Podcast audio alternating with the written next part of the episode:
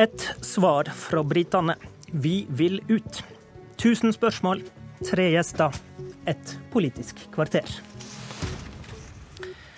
I Politisk kvarter i dag spør vi hva dette betyr for Europa, og hva dette har å si for oss. Vi har med oss EØS- og EU-minister Elisabeth Aspaker her i studio. Vi har med oss Ap-leder Jonas Gahr Støre og Senterpartileder Trygve Slagsvold Vedum. Vi begynner her med deg i studio, Aspaker. Hva er din reaksjon på at britene nå sier de vil ut av EU? Nei, Først av alt så må vi respektere det resultatet vi har fått i Storbritannia. Men på den andre sida så er det klart at EØS-avtalen blir nå viktigere enn noensinne å hegne om i ei tid med antagelig en del uro foran oss. Og så må vi fortsette å pleie den tette, gode dialogen vi har med Brussel for å sikre at vi ivaretar norske interesser best mulig i den tror jeg, ganske krevende utprosessen som ligger foran i årene som kommer. Trygve Slagsvold Vedum, Senterpartileder, du er med oss fra London, der du har fulgt den utrolig spennende opptellinga i natt. Nå kan vi altså slå fast at Storbritannia går ut. Er dette en god dag for Europa? Vil du også bare skygge banen litt? Grann? Ja, vi mener at dette er et, er et bra resultat. Men jeg er, jo, jeg er både litt glad og, og spent. Nå har det britiske folk valgt det samme som det norske folk, å stå utafor EU. Og som norsk EU-motstander så er jeg jo glad for det. Og så håper jeg at man i EU-eliten nå tar på alvor det som skjer. At man, det er en sterk motstand mot stadig mer sentralisering av makt til Brussel. Og en mer sånn føderal retning da, til Europas forente stater som man har, noen har hatt ambisjoner om. Så det her må være en oppvåkning. Og så håper jeg at det blir en justering av kursen også i EU etter det som har skjedd i Storbritannia. Og så har du antyda at du mener dette åpner muligheter for Norge. Hva slags positive muligheter er det du ser av dette, da?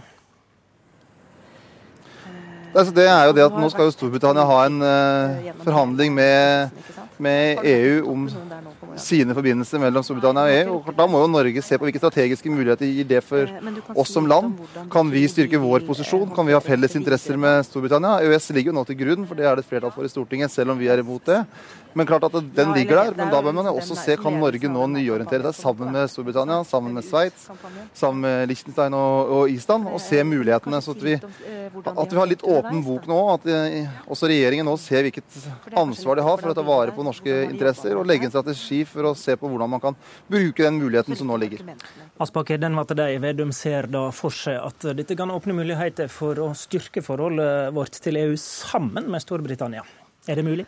Jeg vil si at Uavhengig av resultatet i Storbritannia i denne folkeavstemninga, så er regjeringa opptatt av at vi skal pleie forholdet til EU, at vi skal videreutvikle EØS-avtalen, og at den skal så godt som overhodet mulig bane vei for norsk næringsliv og norsk industris varer og tjenester til, til Europa. Vi skal ta vare på de fire frihetene. Senterpartiet antyder jo at den kan bli gjort bedre? Ja, men jeg tror det er en utopi å tro at man skulle nærmest fra EU-sida premiere et land som, som, går ut. Jeg er helt sikker på at de kommer til å jobbe for å finne gode løsninger for hvordan, til, hvordan forhold det skal være mellom EU og, og Storbritannia utenfor i fremtida.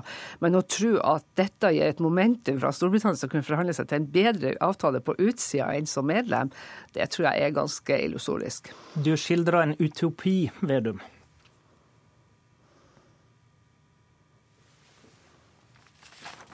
Der, hadde vi ikke Vedum hørte ikke akkurat det spørsmålet. Vi vender oss heller til deg, Arbeiderpartileder og tidligere utenriksminister Jonas Gahr Støre. Du er med oss fra feriestaden på Sørlandet. God morgen. God morgen. 23.6 ble døpt Independence Day av deler av Ut-kampanjen. Hva for noen ord vil du sette på denne dagen? Det tror jeg jeg vil vente litt med, men det er en dag som vil forandre Europa. Det er ingen tvil om. Det vil også forandre Storbritannia. Og nå er det et ansvar for politiske ledere både i Storbritannia og Europa å forstå det signalet som er kommet fra velgerne. Det er et signal om at Storbritannia skal ut. Det er et signal om at de må forhandle en ny avtale. Det tror jeg er arbeidet som det finnes fagfolk som kan gjøre. Men samtidig så er det et annet veldig viktig signal, og det er jo at for Storbritannias del så er det et dypt splittet land. Et 50-50-resultat med overvekt i nei-siden er et uttrykk for det. Det er også splittelser internt i Storbritannia, hvor vi må se at mange mennesker opplever at de ikke har hatt fordel av årene som har vært tidligere. Det kan være knyttet til EU, men også mange andre forhold. Og det er et signal til EU om at et prosjekt mellom demokratier som mister oppslutning blant folk, det må også ta signal. og Eh, og kommer til å kreve justeringer. og Det tror jeg kommer til å prege eh, debatten i Europa i, eh, i månedene og årene som kommer. Nettopp. Nå har vi sett på morgenen Skottlands førsteminister sier at han ser for seg skotsk framtid i EU. Sinn Fein er ute og ber om folkerøsting om samling på den irske øya. I Nederland repeterer Gjert Wilders kravet om folkerøsting der. Og det samme kravet har vi jo hørt fra Marine Le Pen i Frankrike. Elisabeth Ask Baker, ehm, Støre er inne på signaler her. Åpner dette resultatet opp for en farlig dominoeffekt? Ja, det er jo eh, det er grunn til å være urolig over eh, mange av de signalene som er kommet. Og jeg tenker at i en tid hvor egentlig Europa står overfor en serie utfordringer som egentlig kaller på tettere og mer samarbeid, så skal man altså inn i en prosess hvor at, eh, hvor at man splitter opp og at land skal forlate. Og jeg tror vi skal eh, ta på alvor, og det er jeg helt sikker på at lederne i EU også gjør, eh, tar de signalene man nå hører. og Derfor blir jo toppmøtet i EU neste uke så utrolig viktig. For der kommer vi vel til å få de første svarene på hvordan eh, det toppmøtet mener at EU må orientere seg. Men, men ta på alvor, hva betyr det da? Bør en redusere dette prosjektet med at alt skal være så integrert i EU? Ja, Det er det jo ikke opp til Norge å svare på. Vi er ikke medlemmer. Derfor så henviser jeg til det toppmøtet som skal være neste uke. For jeg tror det toppmøtet blir kolossalt viktig i forhold til hvordan EU skal utvikle seg videre, og om det er mulig å eh, hvordan, hvordan, disse signalene skal møtes, som vi nå hører. Vedum, du er med oss igjen. Jeg spurte Aspaker her om eh, dette kunne gi en farlig dominoeffekt. Jeg kan vel like gjerne spørre deg, kan dette gi en positiv dominoeffekt? Det som er utrolig viktig nå, er jo at EU-lederne ser hva som skjer. Eh, for altfor lenge har de oversett den folkelige motstanden mot stadig mer makt i Brussel. Og deltakelsen i EU-parlamentsvalget har gått ned gang etter gang. Så, så, hvis de ikke nå tar inn over seg det her, at det går en annen retning, så tror jeg det kommer til å ha en dominoeffekt i, i flere land. Eh, så, men det, det, er litt opp til EU-lederne òg. At de må huske at de styrer på vegne av folket, ikke på vegne av seg sjøl. Og at eh, når du hører på Boris Johnson, som har vært en kampanjeleder her borte, så er det jo nettopp det enorme EU-byråkratiet, den elitestyret kontra det nasjonale styret, som har vært et av hans hovedpoeng.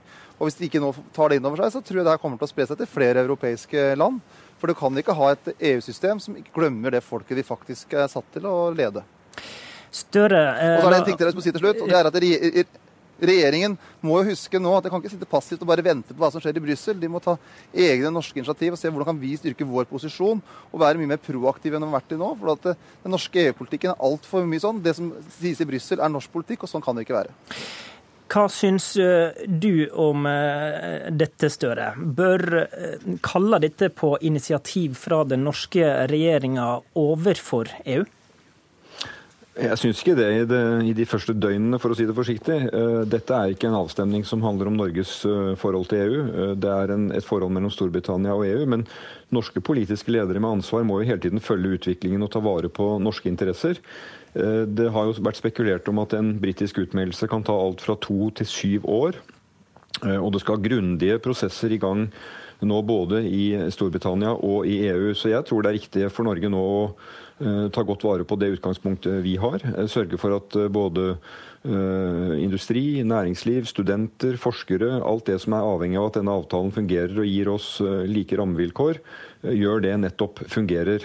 Og så må vi følge med på den utviklingen som er i Storbritannia nei, og Europa, selvfølgelig. Men jeg vil være varsom på en dag som dette og trekke konklusjoner. Jeg tror at Eh, verken ja-siden eller nei-siden i Storbritannia har fremholdt at EØS er en særlig relevant løsning for Storbritannia.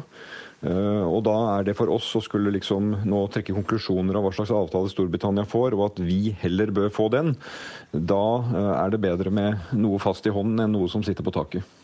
Så du tror ikke på Vedums analyse om at dette gir noen muligheter til å styrke vår avtale med EU gjennom EØS? Altså, det kommer ikke til å være det som står på dagsordenen i Europa ellers. Men, men jeg, jeg, mener jo at uh, vi som har politisk ansvar, og den regjeringen som nå sitter i Norge, må jo hele tiden jobbe for at Norge ivaretar sine forpliktelser og tar vare på sine interesser på best mulig måter. Dukker det opp muligheter som kan gi Norge både ansvar og, og, og eh, rettigheter og muligheter, skal vi selvfølgelig gripe dem. Men rett ut av dette valgresultatet syns jeg det er vanskelig å se eh, noe som gjør at vi eh, skal gjøre noe annet nå enn å ta godt vare på den avtalen vi har, som tross alt har ivaretatt norske interesser på en god måte i over 20 år. Aspaker, hvis vi går ut fra at uh, dere har rett i at uh, i første omgang rokker ikke dette noe ved vårt uh, forhold til EØS-avtalen og EU. det det vel må rokke ved, er vel vårt forhold til Storbritannia og handelen den veien. For, for nå skal de jo tross alt ut. Vi handler med dem som en del av det indre markedet. Hva tror du skjer der? Konsekvenser for norsk næringsliv? Ja, nei, altså Det blir viktig for oss å, få fortsette den gode bilaterale dialogen vi har med Storbritannia, og følge med i hva slags løsninger de finner med EU.